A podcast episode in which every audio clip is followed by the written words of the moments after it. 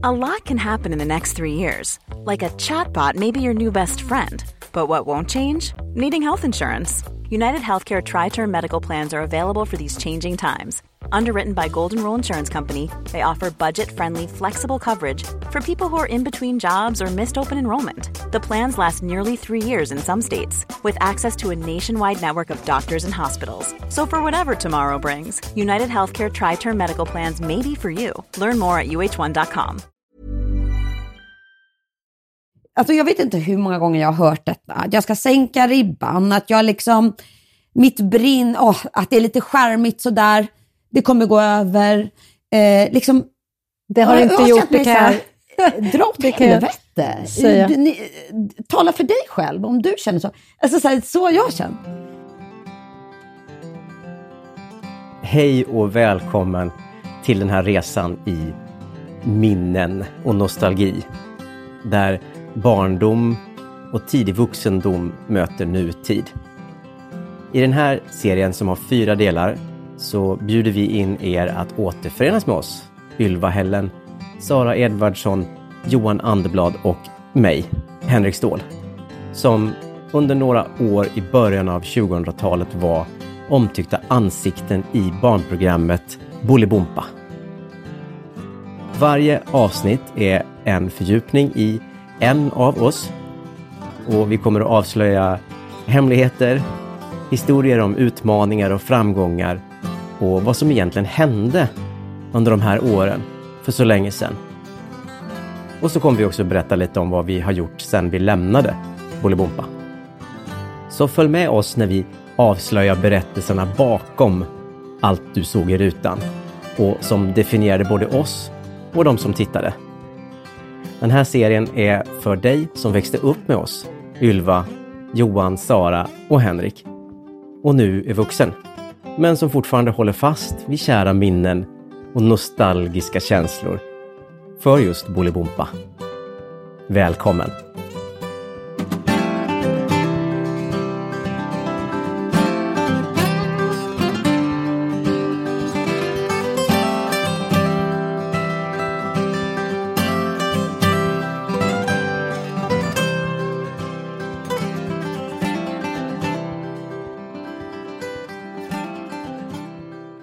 Tja Ylva! Ja, Hej! hej! Så otroligt eh, lyxigt på något sätt att ni är här hemma hos mig.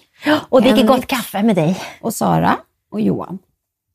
Och ehm, Johan och jag, vi brukar ju ses ibland och äta lunch. Eh, alltid samma plats, samma tid, samma mat, Ja, om ja. Johan får bestämma. eh, och sen så Sara och jag, vi delar ju kontor, så vi ses ju ganska ofta. Ja. Och Henrik träffar jag så sällan, men du finns med mig alltid så ofta i tanken. Du dyker upp så ofta i mina tankar faktiskt. Vi skriver en del på Insta till varandra. Det gör vi också. Jag, jag kommer att tänka på dig så ofta och vill skicka små grejer till dig. Ja, men jag heter Ylva Hällen eh, och kom ju sist in i det här gänget som liksom har blivit någon slags Bolibompa-gänget eller Bolibompa-kvartett på något vis. Och jag vet inte varför, eh, vi har ju snackat en del om det under dagen här, men varför det är vi, liksom, att vi, just vi fyra känner lite som en enhet. För vi har ju alla gått om lott med andra också och jobbat mycket med andra. Um, men det, jag tror att det är det här som jag pratat om att eh, eh, vi var under så många år, tre eller eventuellt fyra år, liksom varje dag, varje år tillsammans i rutan gentemot barnen liksom, och familjerna. Och att det inte fanns så mycket konkurrenter. så jag vet inte 17 hur bra det var det vi gjorde, men eh, vi hade inte så mycket, vi hade faktiskt inget, det fanns inte så många andra streamingtjänster att välja på. Nej. Och inte så många spel heller. Eh, men jag var ju, jag kom ju in i det här gänget som en fullständig noob alltså. Och var, ehm, jag jobbade på krogen. Ehm, jag drömde om att bli konstnär och då ringer min moster upp mig. Eh, hon jobbade för Sveriges Radio. Hon är pensionär nu, men hon var ju korrespondent för Sveriges Radios eh, Ekot, Alice Petrén. Och så ringde hon mig så här, ska du inte provfilma för det här? Och jag hade verkligen inga tankar om att eh, eh var varken programledare, jag tror inte ens jag tittade mycket på tv, jag var lite så alternativ. Jag, jag jobbade som sagt på krogen, jag hade bott i Tjeckien och skrivit en mycket svår C-uppsats. Eh, eh, den, jag tror den hette eh, Kommunismens inverkan på den tjeckiska nationella identiteten. Och sen blev det Bolibompa efter det. Ja, och, sen, och sen så precis, så det var bara, bara för att kontrasterna i, var, var liksom, hur som helst. Också, Jag- Berätta också vilken krog du jobbar på, för det tycker jag också säger en. Soldaten Schweik, Ja. ölkrogen och det var ju på den tiden när alla rökte. Det var ju liksom Lützendimma där inne och liksom totalt sjöslag och jag var väldigt bra på att bära ölsidlar. Jag kan fortfarande nicka till folk igenkännande och andra mig på grund av den tiden när jag var, eh, jobbade som servitris. Och då gick jag i alla fall på den här provfilmningen för jag tänkte så här, gud vad kul hur det ser ut i tv-huset ändå. På riktigt liksom. Alltså jag tänkte det kunde vara jävligt kul att Det var se. målet då liksom. Ja, men liksom, nej, men när man växte upp, alltså jag älskade liksom Fem myror. Jag älskade ju barnprogram, det visste ju min moster också, att jag älskar, jag har jobbat mycket med barn, jag har jobbat med barn på flyktingförläggning, jag, liksom, jag tittar mycket på barn-tv, jag, jag gillar liksom kultur för barn på något sätt. Jag åkte dit, hade inga speciella ambitioner, ambitioner så. Men jag var precis som er, att jag fick något slags program. Va? Man skulle göra typ ett litet Bolibompa-program, jag skulle på Björne och så skulle jag... Det var kul och det var kul att se hur det funkar. Och sen åkte jag därifrån och då sa de också så här, vi hör av oss om några veckor. Men de ringde faktiskt redan när jag var på bussen därifrån, på väg Men därifrån. var det många som provfilmade då som du minns? Som liksom Ja, fast det var inte så att vi kom gick- samtidigt, Nej, så okej. jag har ingen aning. Nej. Men det var verkligen många som kom, ja. Eh, det, det var en massa provfilmningar liksom som pågick och de sa det, vi håller på. Men de ringde på bussen när jag var på väg därifrån och sa, vi vill träffa dig igen. Och då fick jag någon annan uppgift. Och då blev det liksom, men gud, kan jag få ett jobb här? Som ett riktigt jobb? Eh, på te, alltså, hur sjukt är det här? Så då blev det jobbigt för mig. Då började det spela roll. Och gud vad jag stod och övade hemma. Ska jag göra så här, jag var helt svettig och liksom, det kommer aldrig gå, jag kommer aldrig få det här jobbet. Jag vill ha det här jobbet. Plötsligt som hägrade det verkligen. Jag åkte i alla fall dit och gjorde nästa provfilmning. Jag var kallsvettig, jag tror jag sög faktiskt. Men jag fick, jag minns inte, jag fick jobbet. Jag, och jag minns liksom inte hur det beskedet kom. Men jag fick det där jobbet. Och eh, då började den här resan där jag trodde liksom att jag skulle vara konstnär eller möjligtvis, inte vet jag vad jag trodde. Jag hade gjort så många olika saker, liksom bytt bana varannat år i livet. Och så insåg jag att här kan jag göra precis allt som jag tycker om. Mm. Gud, jag kan, ehm, jag kan måla och rita grejer. Jag kan bygga saker, jag kan liksom göra dockor, jag kan spela, jag kan, jag, jag kan göra allt som jag gillar att göra. Jag kan använda mina språkkunskaper, allt som jag liksom har hållit på med. Så här. Gud, det, här är, ju- det här är liksom mitt drömjobb. Så det bara växte på mig direkt. Och jag kände, för mig var det som att jag hoppade ner i någon typ av skattkista och bara wow, liksom. Eh, obegränsade möjligheter. Och, och mina första liksom, skådespelarsituationer var ju med er när liksom den här lyxen, när, när eh, jag menar både Sara och Henrik som skådespelade och eh, ja, men du är också Johan ju men att vi alla fyra liksom bara, det var så jävla kul. Och jag kände bara att jag växte, jag älskade det här jobbet.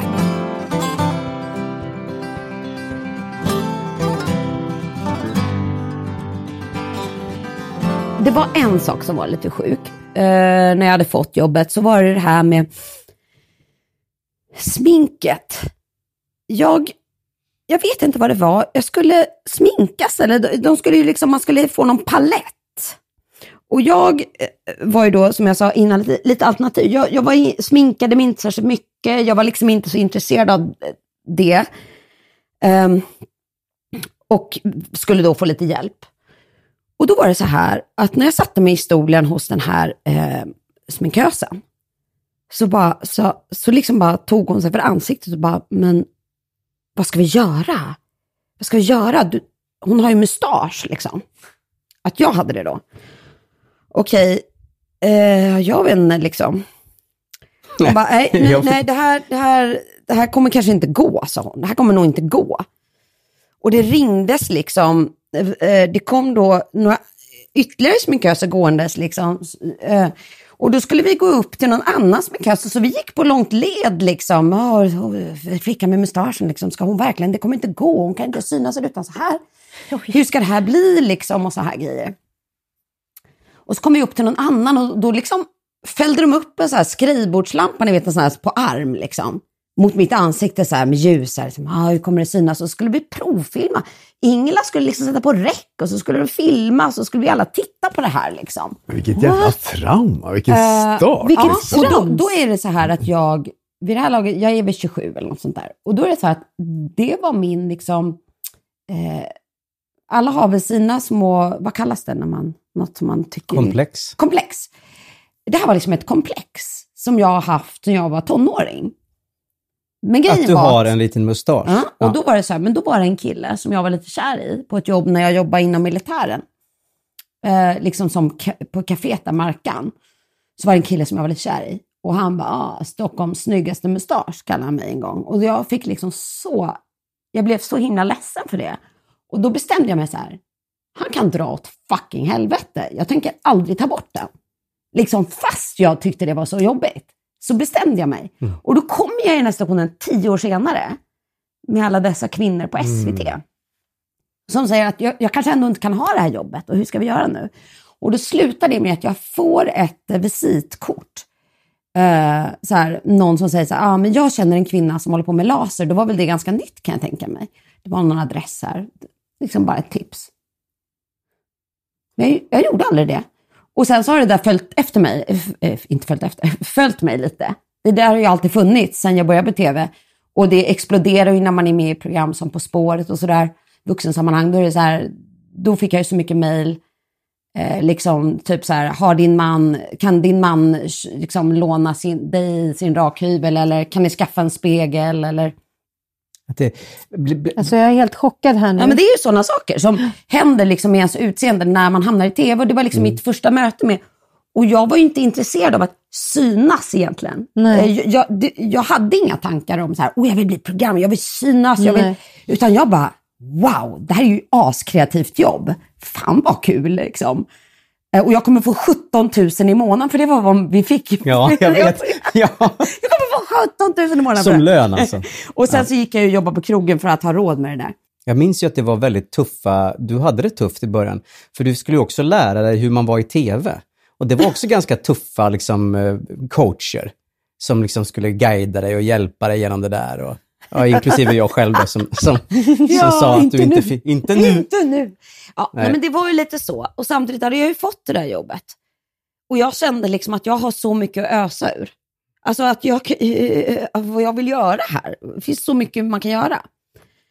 Men det tog nog lång tid för mig att liksom vänja mig vid kameror och vänja mig vid att synas på det sättet. Mm. Det tyckte jag var eh, eh, rätt så, eh, liksom, ja, svårt på något sätt. Jag, kommer ihåg när du, när du började, för då var det det här att du var konstnär.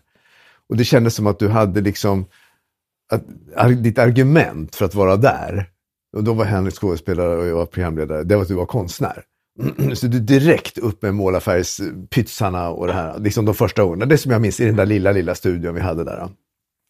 Men sen gick det ju så fort känns det som, eller det kanske inte gjorde, jag vet inte tid, tidslinjen här igen. Från det att du liksom kliver in, inte vet någonting hur det funkar med tv och har uppenbarligen ett problem med smink och alltihopa som verkar skitjobbigt. Ja. Alltså att få det liksom emot sig när man ska börja ett nytt jobb. Det känns inte som någon drömstart direkt. Och du kommer in där med de här, ja men det är så konstigt, jag kan måla, jag kan kladda, jag kan pyssla och dona så här.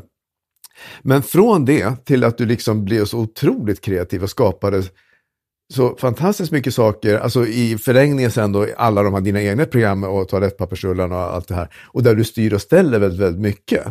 Och det, gick inte det ganska fort? Eller upplever du att det tog lång tid innan du kom till det här, där du kunde stå som du gör nu, eller som du gjorde ganska snart, upplever jag. Att, Nej, wow, jag kan det här, jag vet hur man gör. Och kolla in vad jag kan göra här liksom. Eh, jag, eh, vi körde ju vi fyra tills, eh, det var ju 2004 jag fick min, mitt första barn. Mm. Eh, Och när då- började du alltså? År? 2000. Mm. Så då hade jag jobbat i fyra år. Mm. Och då, eh, när jag eh, jag var ju precis som du sa Sara, jag blev ju arbetslös. Man var ju inte föräldraledig precis. Det fanns ju inga löften. Nej. Och det fanns inte ens någon indikation på att man Nej. skulle få komma tillbaka. Utan man, Nej, inte ens jag en fråga om ägnade- man var intresserad av Jag ägnade mina, mitt bebisår Mm. min äldsta att liksom, eh, skriva programförslag, att göra grejer. Jag kommer ihåg att jag satte på dammsugaren så att han kunde somna, för han somnade alltid med den. Liksom, la honom där, satte på dammsugaren och så satt jag liksom och försökte vara kreativ och komma på massa saker. Sen vet inte jag vad det var som gjorde att jag i alla fall... Eh, jag, jag, eh, det. Var det Pomos piano som dök upp direkt Nej. där? Nej. Nej, jag, jag, jag fick... Eh, jag hörde av mig till Bolibompa liksom och sa jag vill jobba, jag vill jobba, jag vill jobba. Så eh, efter åtta månader så började jag som eh, redaktör. Okej, så det fanns ingen programledarplats just då? Det var liksom fullt kanske? För så har det ju varit genom åren, att, att det inte har, det har varit fullt hus, Eh, som man säger. Vet du, jag, eh, jag, vet, jag kommer ihåg själv att jag, jag kände inte för att gå in som programledare och synas. Nej. Jag kände så här, jag kan det där nu. Mm. vad det är. Jag eh, vill, ehm, jag har, jag fattar grejer, kände jag. Eller liksom så här, jag, vill, jag har perspektiv. Och då eh, skulle ju det här programmet, det var precis då som programmet skulle gå från fyra programledare på kvällstid liksom, till att bli åtta. Fyllas ut, bli fyra timmar om dagen och allt det här. Och då eh, fanns det en producent och sen så behövde de en redaktör. Och det blev jag. Mm. Eh, och jag läste ju alla åtta programledares alla manus. Jag såg allas... alltså jag jobbade så sjukt mycket. Men jag, jag läste allas manus. Alltså jag var bollplank för alla. Mm. Och det var ju då vi också castade. Jag castade ju också då. Då castades ju Nassim Al Fakir, Marcus Granstedt, Stefan Jussi Attack, Dorin? Doreen Månsson, Björn Karlberg. Jag har glömt, vem var det? Men det är ju han som eh, har de stora dockorna. Ja, ja, just det. Ehm, För det var och då det några andra som inte har stannat kvar. Viktor också. Åkerblom. Han var, han var tidigare. Han var jag tidigare, kastade okej. inte honom. Nej. Han kom efter typ... Han har- ersätter Henrik. mig typ. Ja. Ja. Mhm, mhm, mm. Men, men i alla fall, eh, så vi kastade ju alla de här programledarna. Och, ehm, och sen så var jag bara redaktör några månader och sen blev jag producent. Mm. Ehm, för att eh, hon som var producent hoppade vidare och då blev jag producent helt enkelt. Och då var det för hela den här, då var det den här stora studion och För hela den stora barnkanalen studion och som vi byggde sändningar då. både morgon och kväll och helger. Och... Det var liksom ett massivt, massivt jobb. Hur och jag det? njöt så mycket av det. Att liksom bara tänka så här, allt, allt från att liksom så här stötta eh, de här programledarna så liksom, som var så härliga personligheter. Att bara så här, "Du sk- den du är, det är den vi ska bara så här, boosta. Och sen eh, jobba på helheten. Liksom, vad, vad vill vi ge ut från Bolibompa? Och då liksom så här, vi gjorde ju så mycket så allt fick ju plats. Alltså verkligen, allt fick ju verkligen plats då, kändes det som. Ja. Det var fortfarande så otroligt organiskt. Det var ju inte så här, eh, man skrev, alla skrev sina egna manus. Jag var liksom bollplank om man säger så. Mm. Det var inte så här strikt och styrt och det ska vara på det här viset. Men det var ju ändå en jätte, ett jätteskepp liksom som skulle fara framåt. Är det någon här inne som har blivit fälld av granskningsnämnden? Du ser så jävla nöjd ut, så antagligen har du blivit det, eller? Ja, jag har det. Jag var det- inte det. Ja, men berätta. Ja, Nej, jag var inte det. Ja. Eh, det var mitt första tv-jobb 1997 så blev jag fälld av granskningsnämnden. För, inte jag, programmet. För att vi gjorde reklam i Sveriges Television. Var det Salve? Ja, Salve hade en kalender som man ska öppna luckor. Och då gjorde jag, vi en reklamfilm i regi av Morgan Alling. Där vi gick in och eh, på posten och eh, gjorde reklam för den här kampanjen. Jag måste köpa Salvekalendern. Salvekalendern endast 98 kronor. eller någonting. Ja. Då blev vi fällda, så det rök om det. Så tänkte jag att det kommer att vara så hädanefter, tänkte jag. Så här är det, så här är det att jobba på TV. Men det har inte hänt sedan dess. Det är därför jag vill fråga, du, du har ju blivit anmäld då. Det har varit några grejer. Så hade jag tema så här, men måla om min bil. Vad ska jag Ja, måla? Vad ska vi spraya på den? Och någon bara så här, ja men spraya en leopard på huven. Och jag bara, det var ju helt underbart. Men då blev, vi an, då blev jag anmäld till granskningsnämnden. För sprayammet eller? Japp, för att det var ju uppviglande, eller jag menar för att jag uppviglat. Uppvigling till graffiti typ? Exakt. Ja. Blev ni fällda? Eh, kommer inte ihåg, men jag kommer ihåg i alla fall att jag sa så här, det, det är min bil. det är min bil. Det tyckte vi var bra försvar. 300, 300 Så det är okej, det är ja, min men det är bil. min bil. Jag vill med den. Jo, men vadå, man får väl spraya sin egen bil. Ja, men man måste väl få spraya vilken bil som helst om det är ett tv-program där bilen är en del av scenografin. Ja, men det, vi blev liksom anmälda för det där. Jag kan inte komma på någon gång. Nej. Johan, Ser, du, ser jag ut som någon som blir anmäld? nej men du, Nej. nej. Du har ju blivit... Nej, jag har inte ens varit i närheten skulle jag tro. nej. Det här blir kul. Tack. Ja, tyvärr, det fanns ingenting att berätta där. Nej. Okej.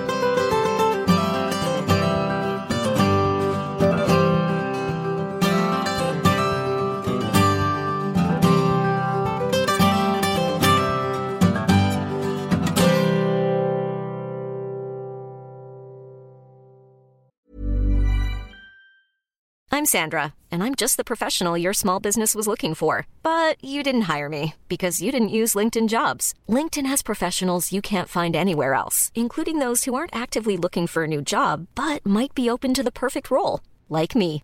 In a given month, over 70% of LinkedIn users don't visit other leading job sites. So if you're not looking on LinkedIn, you'll miss out on great candidates like Sandra. Start hiring professionals like a professional. Post your free job on linkedin.com/people today.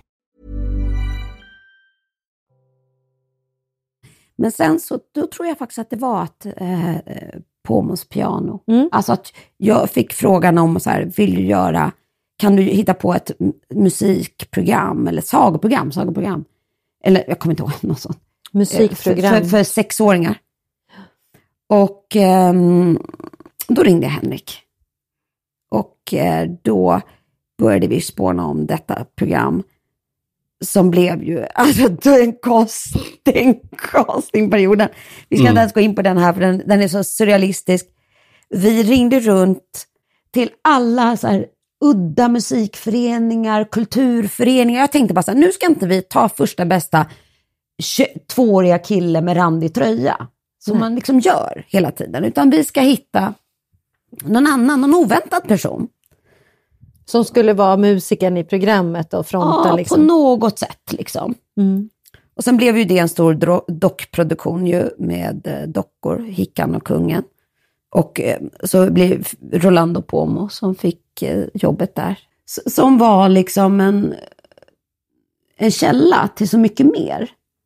Liksom, dels hans bakgrund liksom från Argentina, hans 30 år då som lärare i Rinkeby. Liksom, alla hans egna barn och barnbarn. Han var någonting som var roligt och liksom att han kunde, och spanskan och det, var- det var så mycket liksom. Som kändes kul och spännande. Och sen så fick ju du spela alla dockor första säsongen. Typ. Mm. Och sen så kom ju Nina med och, och gjorde kungen sen. En av dockorna där. Men det var ju otroligt rolig. Eh, Men skulle du säga att det var, var det en, som en, en ny milstolpe? För, för mig var det det. Johan var inne på något ganska intressant. För du kom in från liksom soldaten Schweik, drömmar om konst, ingen koll på tv. Eh, Det börjar med att väcka upp en, ett, ett tonårstrauma i dig. Liksom. Eh, Hej och välkommen till nya jobbet. Här blir du örfilad liksom, direkt och kommer in. Sen efter fyra år så är du liksom någon slags spindel i nätet-funktion där du är producent för det här jättebygget. Eh, sen så gör du ditt första egna magasins... Inte, det var inte ens ett magasinsprogram, Nej, det var ju en, en egen produktion. Eh, och eh, efter det, så det går alltså otroligt snabbt för dig. Vad skulle du säga är det som gör att du kommer från noll egentligen då? Med, med skillnad från oss andra tre som ju verkligen kämpar ganska liksom och verkligen var initierade redan från början. Vad är det som gör att du ändå, för du är ju den av oss som på något vis har gjort mest i det där tv-huset. Alltså, om jag Ja, ja, inte har verkligen. fel. Alltså, Sara har gjort jättemånga olika produktioner jo också. men också till- mest barn, eller hur? Du har, ju gjort, du har ju gått över till vuxenvärlden också. Du har ju gjort Mm. massa saker. Du var ju till och med anställd som någon typ av multiprogramledare på SVT under flera år. Ja, ja, precis. Jag blev ju anställd sen. Men det, det var ju Hur- efter hur gick det till? Eh, Pomos, efter Pomos så gjorde jag ju... Eh, eh, var det då som jag kanske började med Minimello då? Jag tror det, för då hade ju du blivit på något sätt, du hade gjort det här gigantiska mastodontprojektet med Pomos Piano som är musik och sen skapade ju du utifrån, mm. som jag minns det, idéer som du hade fått från din tid som Bolibompa-programledare, eh, den här Ylvania-världen, nej det var senare, förlåt. Eh, du skapade ju det här dockprogrammet och jag var tillbaka var på Bolibompa tillfälligt, så var det. Ah. Jag var tillbaka på Bolibompa tillfället och hoppade in som programledare, precis som vi har, du också har gjort Sara. Ah. Och även och du till. Johan. Vi har ju gått in och ut ur det där. Mm. Och då fick jag på något sätt um, nu måste jag börja där, precis som med Supersnälla Silverstar och Stål-Henrik, att du började skapa en värld som sen du fick en idé till en hel värld som blev Minimello och sen Ylvania. Var det inte så med bygget med toarullskaraktärer och för det var ju ingen som kom ovanifrån och sa du, kan, skulle du kunna göra ett musikprogram med toarullar? Nej, precis. Nej. Jag hade fredagarna. Det minns jag. Jag var fredagsprogramledare. Jag ville göra allt av den där tiden man hade. Och då började jag liksom, um, då, då, det som, då var det bara att jag hade en docka, i toar, en toarusfigur som hade kommit in. Mm. Och bara hämtade saker, musik. Det var någon av er andra som sa det också, att man gick och hämtade musik i grammofonarkivet. Ja, det gjorde, det gjorde vi ju hela ja, tiden. Ja, precis. Och då gjorde jag det. Såna här genreskivor man kunde hämta. Så här liksom romantisk stämning, 30 sekunders. Eh, eh, rockstämning, ja, som man kan använda för att musiklägga olika dokumentärer och program. Och då hämtade jag upp massa sådana där och så skrev jag ju massa olika såna här, då, då skrev jag massa olika såna här eh, 30 sekunders texter. Mm. Och så bad jag ju alla er andra, eh, Sara du gjorde ju en röst där, till första säsongen kommer jag ihåg. Mm. Och, och um, alla fick göra, sjunga in. Jag sjöng ju till och med själv in, fast jag helst inte, alltså, inte vill göra det. Och så sjöng vi in och så sa jag så här, åh, då kan ni rösta där hemma ja. på de här dockorna. Eller vad jag sa liksom. Eller skicka in dockor. Äh, något hände, det bara ja, för det började i Bolibompa med den här lilla veckan. Alltså förmodligen ett tema som var just då, en vecka. Alltså nu ska vi ha... Så kom du på att det skulle bli ett omröstning och sen blev det så gigantiskt. Det, det blev så det stort. Ett av de största barnprogrammen i vår historia skulle mm. jag säga. Nej, men alltså redan första röstningen så gick ju hela SVT-server ner. För att det klickades så mycket. Ja, och de var inte beredda på det här. Nej, nej, nej, nej. det här var ju helt absurt. Och jag förstod ingenting. Jag hade ju bara hittat någon liten scen där som jag byggde upp lite och höll på där med lite lampor och grejer. Och det här är ganska kul, för vet ni hur jag gjorde det första gången? Det var ju liksom, ni vet på, när man spelade in Bolibompa och var programledare, så hade man ju sin menu. Jag samlade all den där tiden vid halv sju. Liksom för att ha tid med alla de här, det var fyra låtar på 30 sekunder. Och, så, och, och, och jag, man fick ju inte klippa. Man fick inte banda. Nej. Så jag mm, stod så här, satte på mig någon glittrig topp och så sa jag, här har vi nu bidrag nummer ett. Och så var det liksom Henrik med Heddan. Och sen så eh, gick Ingela över med pannade kameran så. Då kastade jag mig ner på golvet, kröp och sen så uh, stack jag upp och så, så uh, gjorde jag, uh, spelade jag dockorna så här. så spelade jag dockorna uh, låten som var 30 sekunder lång. Och sen så uh, la vi bara applådljud. Då kastade jag mig ner och sen ställde jag mig så här. Då tackar vi bidrag nummer ett. Nu pratar jag lite bidrag nummer två.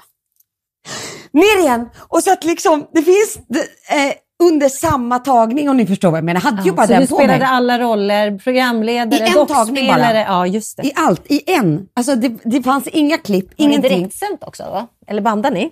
Det var en livebandning, men tagningen var tvungen att vara en tagning. Just det. Mm. Förstår du? Så Ingela pannade, zoomade in dockan, zoomade ut, det var vad hon hann på 30 sekunder på det bidraget. Och sen pannade över och jag ner, upp, ner, upp. Och sen så, och så hade jag ju då, eh, ner till hade jag ju mjukisbyxor och knäskydd. Och upp till hade jag en glittrig topp som man såg så här. och så ner, ah, liksom, så här, eh. Och så gjorde jag fyra små bidrag. Mm. Och då var ju de 30 minuter, 30, 30 sekunder. Det blir två minuter och så lite mellan då. Alltså det var liksom fyra, fem minuter. Och sen var det så här, och nu kan ni rösta och sen nästa fredag var det liksom, vem gick vidare? Och då gjorde jag fyra bidrag till. Och sen så, ja, så var det ju. Och det här blev ju som jag sa ett av Sveriges största barnprogram Ja. genom tiderna och har gått i nio säsonger och, och sålts till andra länder och så vidare. Ja. Jag bara tänker på hur de gör nu för tiden. Men vi, när vi pratar och berättar för varandra så, så, så, så känner man verkligen att vi fick små frön till, i den här liksom, möjligheten vi hade i Bolibompa-världen att göra vad fasen vi ville. Och vi kunde eh, leka superhjältar eller, eller leka med toarullar och sen så skapades det program av det. Väldigt många program som jag har gjort också och som du har gjort.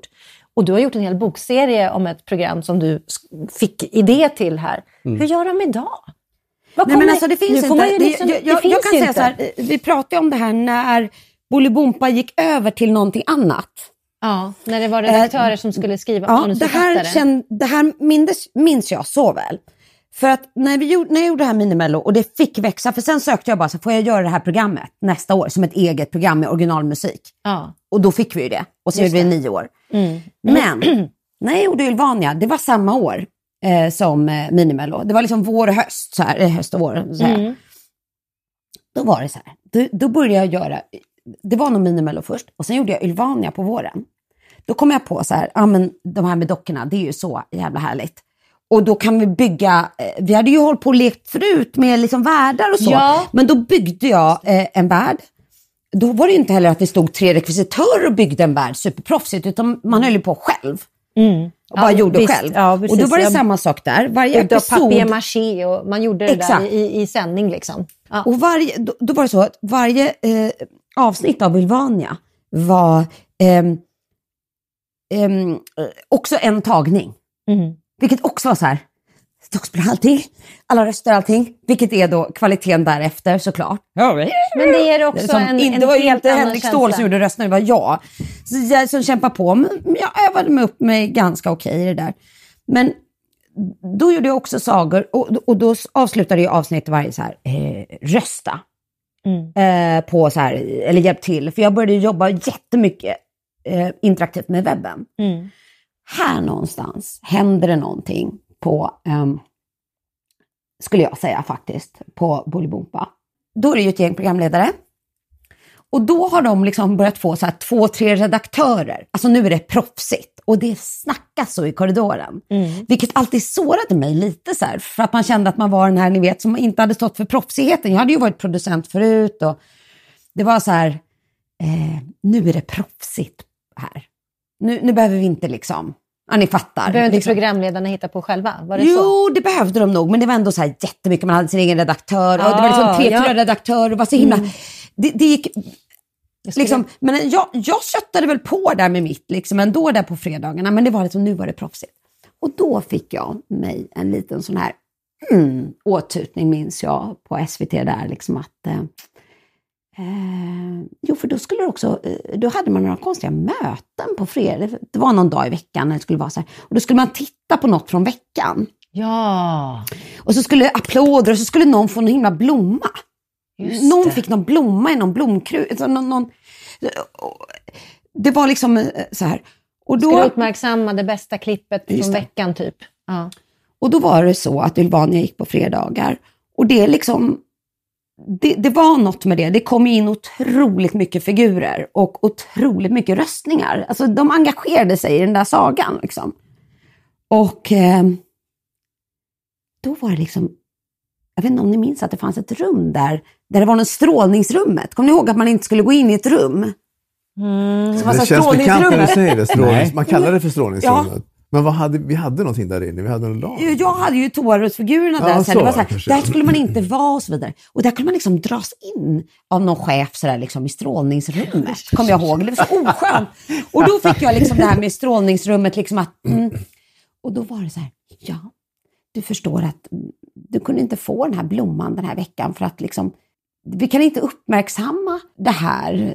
Det blir liksom för orättvist eller något sånt där. Det var så Och det Och här då låter menar de så att de tycker att du hade obehagligt. tagit för mycket utrymme helt enkelt. Alltså, och Ja. gjort, du hade gjort för mycket Men den där personen som drog in dig i strålningsrummet kanske menade väl och ville liksom säga hint, hint, jag hade gärna gett dig en blomma men jag kan inte göra det för de andra stackarna. Förmodligen. Säkert det, någon snäll här, bak. det här är, är eh, ja, Men den Ja. här tiden, för mig, eh, jag hade ju liksom släppt Bolibompa egentligen. För att sen började jag göra Minimello och jag hade Ylvania, jag gjorde ju en till säsong och jag har kommit och gått. Men mer sådär som en fri fågel, liksom in och ut i det där. Det var inte längre min arbetsplats och jag kände just det här, det här proffsiga var inte min grej. Jag gillar att bara köra. Och har man tillräckligt mycket brinn i någonting så kör man på och så gör man sitt allra bästa. Liksom. Jag kände att det var någonting som började bli jante på ett tråkigt sätt. Istället för att lyfta varandra och lyfta alla så blev det jante. Typ så här, dämpa dig. Och Ja. jag kände så här, fast va- dämpa vad? Jag tar inte från någon annan. Där insåg jag att just Bolibompa som det hade varit innan, som jag älskade så mycket, som inte för mig inte bara var programledare utan just som du sa Sara, en till möjlighet att ta ett frö, testa det, trycktesta, trycktesta, ha lite kul med det och sen bara wow! Det blev liksom, det blev Ylvania, det blev Pomos piano, eller det blev eh, Minimello, whatever. Eh, de, den grejen, det var, det, det var en wow-grej. Mm. Men sen blev ju det någonting mer så här, det skulle löpande band och alla var så här, det är så proffsigt nu för tiden. Och jag kände bara, proffsigt nu för tiden passar inte mig.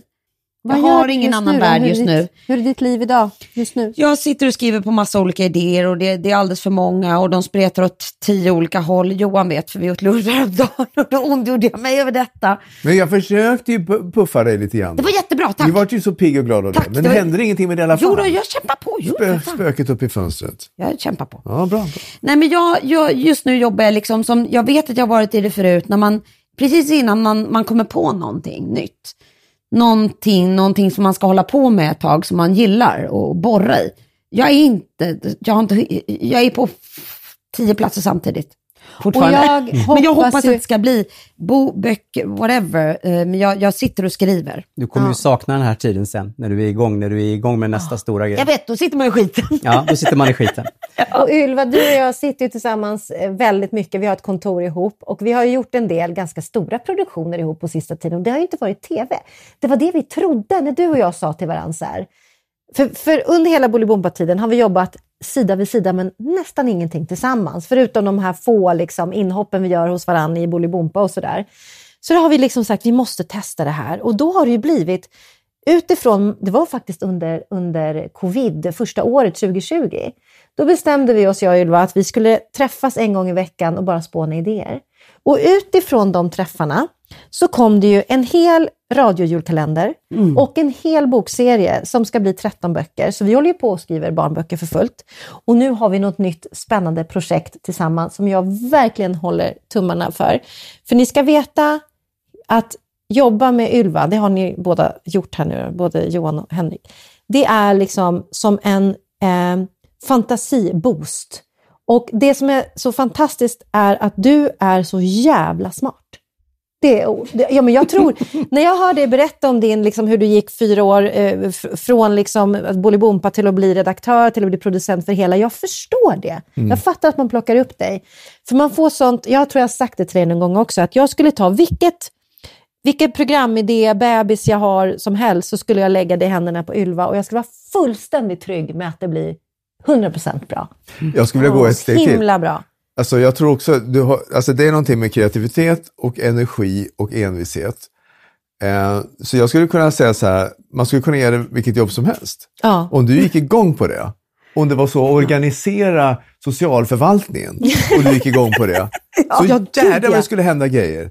Och det skulle hända grejer på en gång. Och det skulle vara bra, och det skulle vara uttänkt, och det skulle vara fiffigt och det skulle bort med det där som inte behövs där och in med det där. Du skulle organisera om allting. Du, du är ju som en naturkraft alltså, Ja. som bara snurrar på. Ylva Vilket naturligtvis kan vara jobbigt. eh, Vet, för ni, jag har inte jobbat så mycket med Ylva, jag ä- äter mest lunch och då kan jag gå för två timmar. Men ni som har jobbat tajtare vet ju också att det, man kan dras in i den här centrifugen, har jag ju hört. Ja, men jag Och- älskar det. Det, det Ja, är inget härligt. jobbigt alls Ja, än en centrifug. Men det är ju den här centrifug. enorma energin som är Ja. liksom så fantastisk. Och Och, som sagt och jag har- kreativiteten i det här. Och samtidigt så kan du organisera, alltså du får ju saker gjorda. Det är inte bara att sitta och prata. Nej, nej, nej. På somrarna så har jag ibland blivit lite sådär äh, frilansdeppig och bara sökt heltidsjobb i helt andra branscher, typ på måfå, för att jag känner nu ger, oh, jag orkar inte jaga. Jag är för gammal, jag orkar inte längre och ingen kommer vilja ha mig och nu kommer hösten och alla andra har tydligen jobb och jag vet inte vad jag ska, det är tomt i kalendern och bla bla bla. Och sen så kommer jag tillbaka till dig, till kontoret Ylva och sen, det räcker med en timme så är jag full i energi. Och jag, Ylva, du bara får mig att tro på mig själv och, och boostar oss. Eh, så att den där maskinen du har inom dig är alltså helt, den, den är smittsam. Och det är jag väldigt tacksam för. För du har dragit upp mig med fler gånger än du vet. Jag kan ha kommit till kontoret några gånger och känt så här, idag så eh, har jag tappat helt förtroendet för allt. Och sen, det, det är liksom totalt bortglömt. Två minuter in i vårt gemensamma jobb så är jag igång igen. Så det är fan. Och jag tänker på det du sa Johan, alltså vi har varit ute och gjort en del grejer. Så här, vi har lite biblioteksbesök och lite konserter gör vi och lite allt möjligt. Och jag vet någon gång när vi var på väg där, från ett eh, biblioteksbesök så berättade du ganska länge om hur du skulle vilja ta över det biblioteket och göra om det Ja, till en fantastisk värld för barnen. Och du hade hundra idéer direkt om hur du skulle kunna bara så här förtrolla världen. Alltså så där är du, du är ju en doer verkligen. Men jag förstår att du behöver pausa ibland och det är nog bara bra för dig tror jag. Jag känner ju ingen som, som jobbar så hårt som du. Och det är ju på gott och ont ska jag säga, för det är ju liksom att jobba med dig är ju, det är ju ingenting man gör på en höft. Liksom. Man, går, man måste ju gå in hela sig själv i det. Ehm, och det har, har ju varit så jobbigt och så givande. ja, men när, vi har, när vi har gjort Pomos piano, liksom, eh, det är så här, alla andra i rummet är nöjda, men in, inte Ylva. Liksom. Perfektionist. För, för Ylva ser att det är fel. Hur fan kan ni vara nöjda, säger hon. Det är ju helt snett. Den här dockans arm pekar ju rakt upp. Hur fan kan ni inte se det? Och, och, Usch, det låter fruktansvärt jobbigt. Eh, ja, men, jo, men vänta. Så, eh, och alla suckar. Ah, jaha, jaha. Och sen så ser man resultatet. Det sitter i detaljerna. Det sitter det är bara i detaljerna. som ser dem. Och framför allt, det, alltså, jag, jag skulle vilja, om, man, om det här var en psykologpodd, skulle jag vilja reda lite i det där. För det är ju någonting, det är också som det här med när du börjar med löpning och sånt. Det är så här, en del människor springer för att det är så jävla gött att springa liksom. Men med dig, det är något mörkt som jagar dig. det, är, det är ju någonting i en motor, en mörk motor. Liksom. Och eh, det är ju en ynnest att ha fått jobba med. Det, det är också, eh, jag känner väl ett par människor som, som verkligen pressar mig till det allra yttersta. Människor som har varit i situationer att ge mig jobb och då är ju du den ena av de här. Liksom. Det är ju... ehm, ja, men jag har ju varit som bäst när du har, när du har satt mig i arbete. Liksom.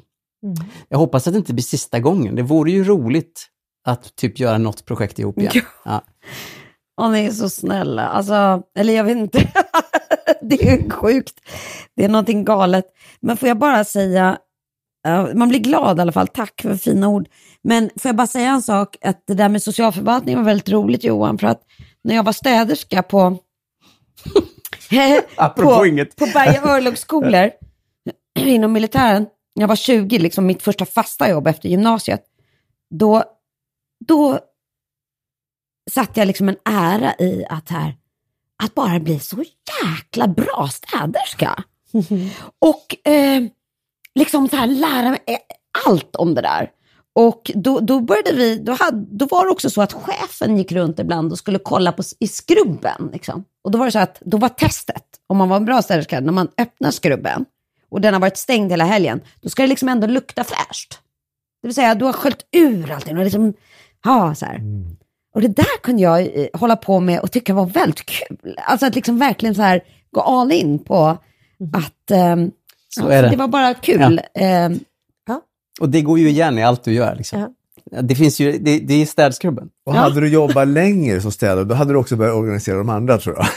ja, Och sagt till chefen att vore det inte bättre om vi jobbar i lag så här? Och så kunde... Och festerna, alltså de fester vi har haft. Det är där du är också inne och styr upp. Jag kommer ihåg någon, någon fest, alltså det har vi ju bilder på, det borde vi försöka, om vi kommer ihåg borde vi försöka lägga upp det. Det är den här när vi tre, på, det är på en bak, bakgården på Ja, SVT. men det ska vi lägga ut, Eh, absolut. När, när vi var, det var ju, vi, vi var ju med i någon redaktion där vi inte kände alla någonting. De, de hade jobbat ihop i redaktionen och vi var liksom gäster i deras program. Så var vi där inne eh, och sen gick vi ut och så skulle vi dricka några öl på bakgården. Och det blev sånt jävla fylleslag. Och ja. det kom en väktare och du fick med väktaren i våra lekar. Liksom. Jag minns att jag, typ sanning eller konka och ja, sånt visst, jag minns att jag på? kysste en överårig maskör. Och sen blev det väldigt pinsamt i flera år efteråt för det var någon eh, fuktiga blickar i korridorerna. Det var fruktansvärt pinsamt, och, men det är så jävla roligt. Och eh, just jag minns hur du liksom sa, nej, det här duger inte. Det måste vi göra så här. Ställ upp här nu. Och så just när väktaren kom och fick typ hålla i någon jäkla pinne när vi skulle gå runt i någon Var det ring. limbo? Ja. Ja, det var en rolig fest. En Har, har. Ylva fått några frågor? Ja, då? jag sitter här och Ja. eh, kollar här vet ni. Och då är det, och då har du, alltså alla de här ex, ex, som jag kallar för extraprogrammen, alltså det som inte var vårt Bolibompa-ramar, utan de är ju otroligt uppskattade som du förstår. Så det är mycket, det är mycket frågor, alltså dels om du vill göra Minimello igen, alltså de vill verkligen att du ska ta upp det där igen. Skulle du göra det om du fick frågan? Om de skulle säga det, nej vi vill ha Minimello Nej, det skulle igen. jag inte göra. Om vi, om Inte ens vi om du fick med utveckla den Om precis som du ville. Nej, Jag tror, jag tror faktiskt inte det. Eh, och då Inte, är, göra, inte i den form det skulle vara. Man skulle kunna göra någonting kul med det eventuellt. Men Vad betyder det? Jag vet inte. Istället för något tråkigt så. men inte göra programmet igen liksom. Mm. Det är ju en jättemaskin. Sen är det ju en vanlig fråga, det är ju också att de saknar dina program. Mm. Så att till exempel Superlördag, kommer det ligga på SVT Play igen? Kommer de här programmen, de saknar dem. Exakt. Och då frågar de om, om du Johan, kan lösa hur är det det? här. Du vet väl det där. Om man vill eh, se något program igen, vad gör man då? För att jag säger, brukar bara säga att man måste ju be SVT, varför lägger de inte bara upp det? Ja. Jag brukar här, alltså den enda jag har hört, det är, som jag använder när folk frågar om, om mina program. Mm. Ja, skriv till repris svt.se. Och de som gör det brukar rapportera till mig, ja men vi fick svar och då sa de att det var inte aktuellt nu.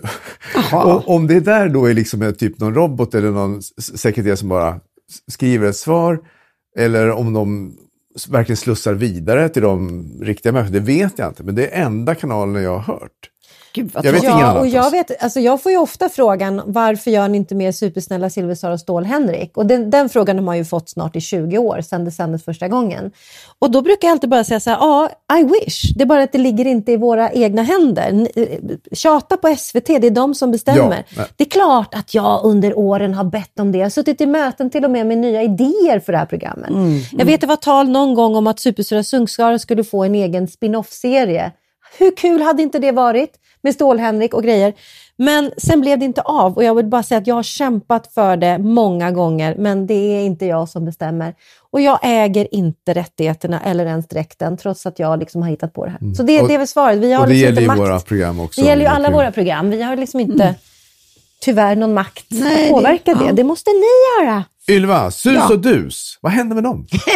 ja. Jag kommer inte Gud, ihåg så mycket faktiskt. Gud vad gulligt. Det var så här att jag eh, hade, det var under våran tid ju, när det var vi fyra, så hade ju jag, eh, hittade jag på två möss som var osynliga. De syntes aldrig. Nej. De var som Bertil, de bara liksom levde Ja, sitt fast eget de liv. var Alltså. liksom där och de spelade bowling och Som jag bara du. byggde ju massa saker så, så låtsades jag att de liksom var där hela tiden. Som du bara såg då alltså. Ja, Ingela såg dem också antar jag, för att hon fick också spela mot dem hela tiden.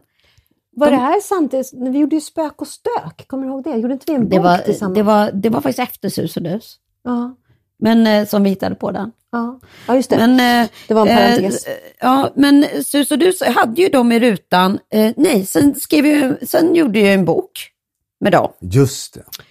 Och eh, då blev jag lite pissed off helt enkelt. För att jag, det var osynliga figurer i rutan. Som jag kallade för sus och dus. Alltså de syntes överhuvudtaget inte. Och jag hade ju en inre längtan lite, det som att jag ville rita och måla och så vidare. Och då fick jag, jag trodde inte på mig själv som författare. Men du är var en- illustratör. Ja, så Så då, var det. Då, då var ju så att en kollega som gjorde Bolibompa-tidningen, om ni minns den. Ja. Hon sa, men jag kan hjälpa dig att skriva om du vill. Ja, kan du det? För jag har inga författarambitioner och ingen tro på mig själv när det gäller det. Och sa hon, det kan vi lösa tillsammans. Och då skrev vi en historia och då tecknade jag Sus och Dus som två möss och så vidare som var ute på promenad. Och ehm, på en utflykt, bla bla bla. bla. Och sen när den där skulle ges ut, för den fick då, fick igenom den på Rabén och Sjögren och när den skulle ges ut, då sa SVT, ja, den här produkten är en självklar del i Bolibompa-buketten. Just det. Vilket gjorde att jag fick Den där 5 buketten. 000 och sen var det över med det. Och då hade jag illustrerat den där, det är ändå 32 sidor med liksom akvareller, jag har suttit liksom Oj. på min tid. Och jag hade kommit på sus och dus och de var osynliga i tv. Det var liksom inte en produkt som kunde härledas. Men vad hände då? Boken gavs ut och sådär. Och SVT tog väl hälften och förlaget tog hälften, jag vet inte, men jag, det vart liksom ingenting av det. Går det att köpa den boken fortfarande? Vet du det? Eh, det. Nej, jag vet inte om det går att köpa. Jag har fortfarande ex av den. den kan finns. skriva till Ylva. Den finns. Men den finns faktiskt, ja, man kan skriva till mig. Eh, Den är ganska gullig. Den är Eh, jättegullig. Ja, det är inget fel på den boken. Men, men jag tror att jag bara kände så här, okej, det går inte att göra böcker eh, då på SVT. Det var också en erfarenhet jag hade. Tänk idag, när folk liksom, en kock i SVT kan ju ha ett eget champagnemärke liksom, och ha en fest med Bindefett. Alltså, Mm. eh, det har gått, Ja, en annan har ju alltid haft så, var karantän i tio veckor före och efter program när man inte får göra någonting annat. Man får inte jobba typ. Och man har ju verkligen försökt, jag har aldrig försökt liksom göra reklam eller någonting, men, men det där tror jag att jag bara kände så här, åh, nu har jag gjort allt det här. Och så ändå bara liksom en självklart är det Bolibompa-buketten. Det kändes inte så här Jag minns det där. Det var ju inte draken, det var ju inte liksom Det är, deras... lite, det är inte så generöst mot en, en person att, att liksom gå in och ta då när man, ja, Det var så lite liksom- men jag, den, den gick inte, ja, whatever. det var en En fråga som ju kanske passar alla här, det är ju då till exempel, är det någon som har ett favoritprogram av alla de vi har visat? Eller något, någon som har något program som ni absolut inte klarade av? Eller som ni kanske nu i efterhand känner lite extra för? Som man Va? själv har varit med och gjort. Nej, Det- som vi har sänt av alla Jaha, när vi program. var programledare. Genom tiderna. Ni pratade om Arthur. Jag det kommer var bara att ni kom ihåg Ja, du menar sådana program som man skulle visa? Pingu brukar jag alltid ha som min favorit, fortfarande genom tiderna. Har ju gått i hela min eh, historia tror jag. Mm. Jag hatade ju Arthur. Jag älskade Charlie och Lola. Ja, Ja, det Charlie var Lola, det var och jag älskade, det var den vignett som jag inte snabbspolade när jag tittade hemma. Mm. Den tittade jag i realtid, Man jag blir tyckte glad av den om den. vignetten. Och när de åkte, det var så vacker melodi och jag älskar hennes sätt att klippa, hennes collage och teckningar.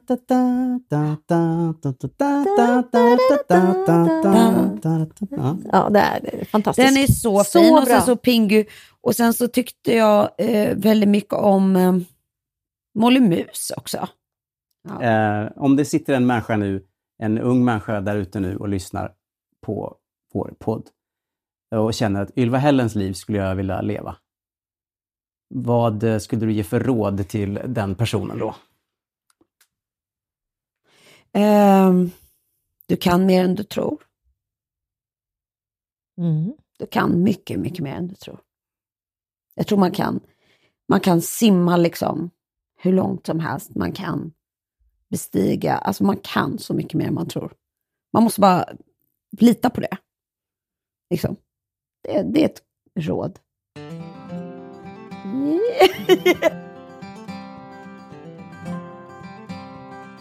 Tack för att du har lyssnat. Om du har några frågor till eller om någon av oss som var med i det här avsnittet så är det bara att skriva till oss var som helst. Producerat, det har jag gjort, Henrik Ståhl, för Kirinaya. Hej då!